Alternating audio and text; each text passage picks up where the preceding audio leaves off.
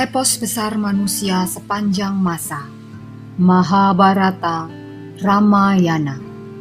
Karya C. Raja Gopalacari Diterbitkan oleh Ircisot Dibacakan oleh Dian Sitoresmi dan Mariana Widya. Bagian pertama. Mahabharata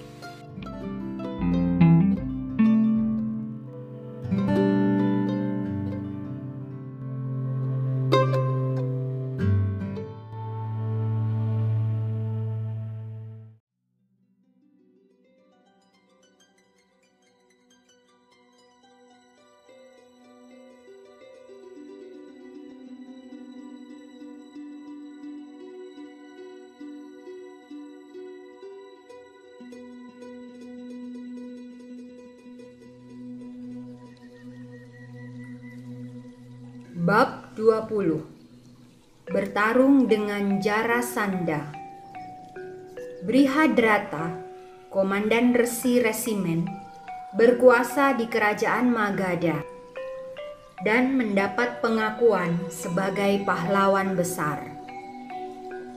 Ia menikah dengan istri kembar Raja Kasi.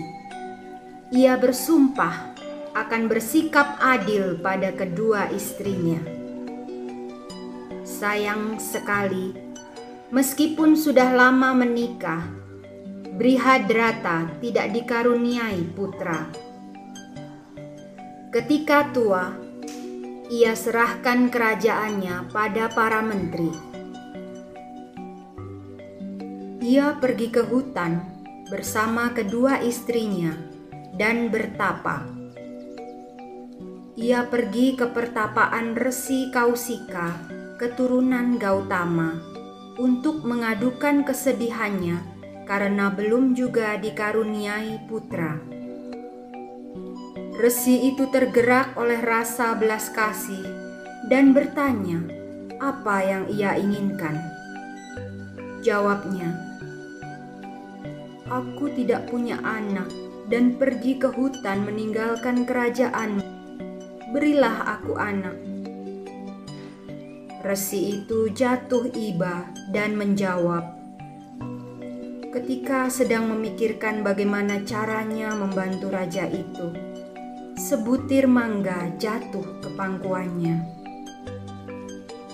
Ia mengambilnya dan memberikannya kepada raja itu dengan restu. Ambillah mangga ini, keinginanmu akan terpenuhi.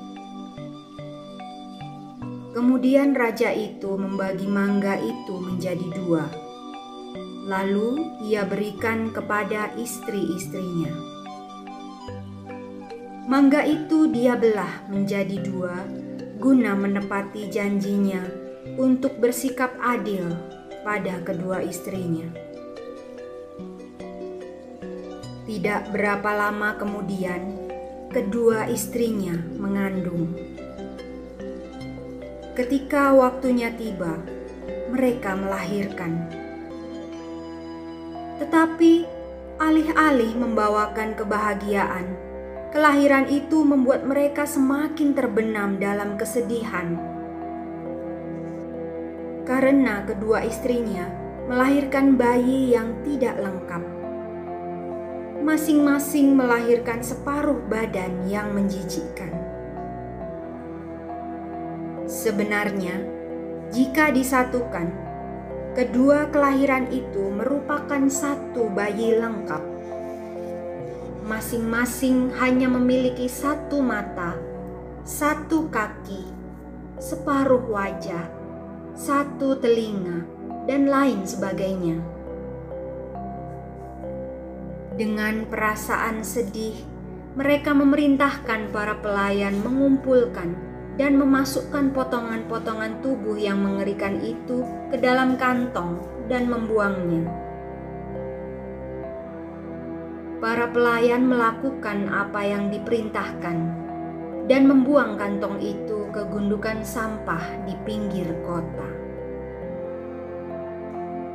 Kebetulan, seorang raksasi, raksasa perempuan, kanibal, lewat tempat itu. Ia sangat gembira melihat dua potong daging segar. Ketika ia mengumpulkannya menjadi satu, tiba-tiba dua potongan itu menjadi satu, saling menempel secara sempurna, dan menjadi seorang anak manusia yang lengkap, tidak ada cacat. Raksasi itu sangat terkejut. Ia mengurungkan niat untuk memakan makhluk mungil itu Kemudian ia menyamar menjadi seorang wanita cantik. Ia menghadap raja dan menyerahkan anak itu. Katanya, "Bayi ini putra tuanku." Brihadrata sangat gembira dan menyerahkan bayi itu pada kedua istrinya. Anak itu kemudian dikenal sebagai Jarasanda. Ia tumbuh menjadi seorang pemuda yang sakti mandraguna. Tetapi tubuhnya memiliki satu kelemahan, yaitu terbentuk dari dua bagian yang terpisah. Tubuhnya bisa dipisah menjadi dua jika ada kekuatan yang cukup kuat memisahkannya. Kisah yang menarik ini mengungkapkan suatu kebenaran yang penting bahwa dua bagian terpisah yang dapat menyatu akan tetap lemah, yakni mudah terpisah menjadi dua kembali. Setelah penaklukan dan upaya melenyapkan Jarasanda disepakati, Sri Krishna berkata, Hamsa, Hidimba, Kamsa, dan sekutu Jarasanda yang lain sudah mati. Sekarang adalah saat yang tepat untuk menyerangnya. Tidak perlu bertempur habis-habisan bersama pasukan kita. Kita tantang dia bertarung dengan atau tanpa senjata. Menurut hukum kehormatan pada waktu itu, seorang kesatria harus menerima tantangan untuk bertarung, baik dengan ataupun tanpa senjata. Biasanya pertarungan itu menggunakan sarung tangan atau bergulat sampai mati. Tradisi inilah yang akan digunakan Krishna dan Pandawa untuk mengakhiri nyawa Jarasanda. Mereka menyamar sebagai pertapa pengembara yang mengenakan pakaian dari kulit kayu dan membawa rumput darba suci sesuai tradisi zaman dulu. Demikianlah mereka masuk ke kerajaan Magadha dan tiba di istana Jarasanda. Waktu itu, Jarasanda merasakan firasat buruk. Karena itu ia meminta para pendeta untuk mendoakan keselamatannya ia sendiri menjalani laku puasa dan semadi. Krishna, Bisma, dan Arjuna masuk ke istana tanpa senjata. Jarasanda menyambut mereka dengan baik karena sikap dan tingkah laku mereka menunjukkan mereka berasal dari lingkungan terhormat. Bima dan Arjuna tidak menanggapi tegur sapa Jarasanda karena mereka tidak ingin terpaksa berbohong. Krishnalah yang mewakili mereka. Mereka berdua sedang menjalani tapa bisu. Mereka baru boleh bicara setelah lewat tengah malam. Jarasanda mengantar mereka ke balai persembahan dan kembali ke istana. Biasanya, Jarasanda menemui tamu-tamunya yang melakukan tapa brata dan bicara dengan mereka pada waktu senggang. Maka, selepas tengah malam ia menemui ketiga tamunya. Jarasanda menjadi curiga ketika melihat tingkah laku mereka. Ia juga melihat di tangan mereka lecet-lecet bekas tali busur dan bekas luka karena tali busur. Ia juga mencurigai wajah mereka yang mengesankan mereka berasal dari golongan kesatria. Ketika Jarasanda meminta untuk mengatakan siapa sebenarnya mereka, mereka menjawab dengan jujur, "Kami adalah musuh-musuhmu. Engkau boleh memilih siapa yang akan engkau lawan." Setelah diperkenalkan siapa sebenarnya tamu-tamu mereka, Jarasanda berkata, "Krishna, kau adalah pengecut, dan Arjuna, kau masih bocah. Bima, kau terkenal dengan kekuatan ragamu. Aku akan bertarung denganmu. Karena Bima tidak memegang senjata, Jarasanda setuju bertarung tanpa senjata. Bima dan Jarasanda sama-sama kuat. Mereka bertarung selama 13 hari tanpa istirahat. Sementara itu, Krishna dan Arjuna melihat dengan hati berdebar-debar. Pada hari ke-14, Jarasanda mulai menunjukkan tanda-tanda kelelahan. Krishna memberi tanda pada Bima bahwa sekarang adalah saat yang tepat untuk membunuhnya.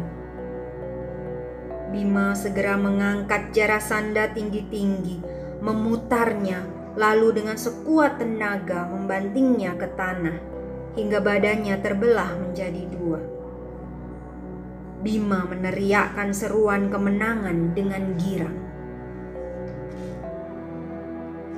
Kedua potongan tubuh itu menyatu kembali dan dengan demikian Jarasanda hidup kembali.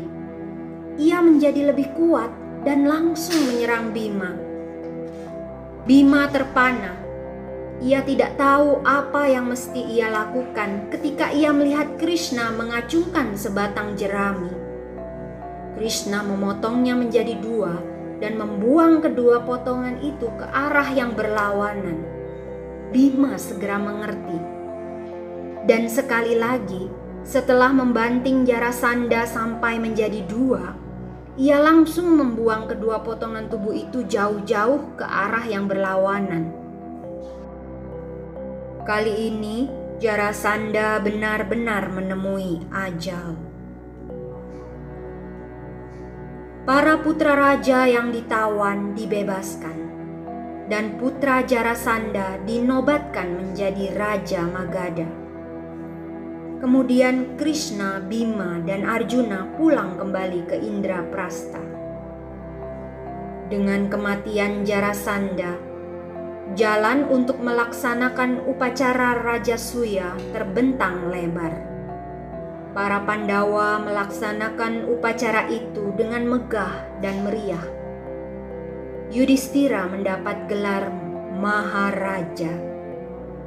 Hanya ada satu peristiwa yang sedikit mengganggu jalannya upacara itu. Pada penghujung upacara, ketika tiba acara penghormatan, si Supala berlaku tidak sopan di depan para tamu agung. Kericuhan itu berakhir dengan kematian si Supala di tangan Krishna. Kisah ini akan diceritakan pada bab berikut.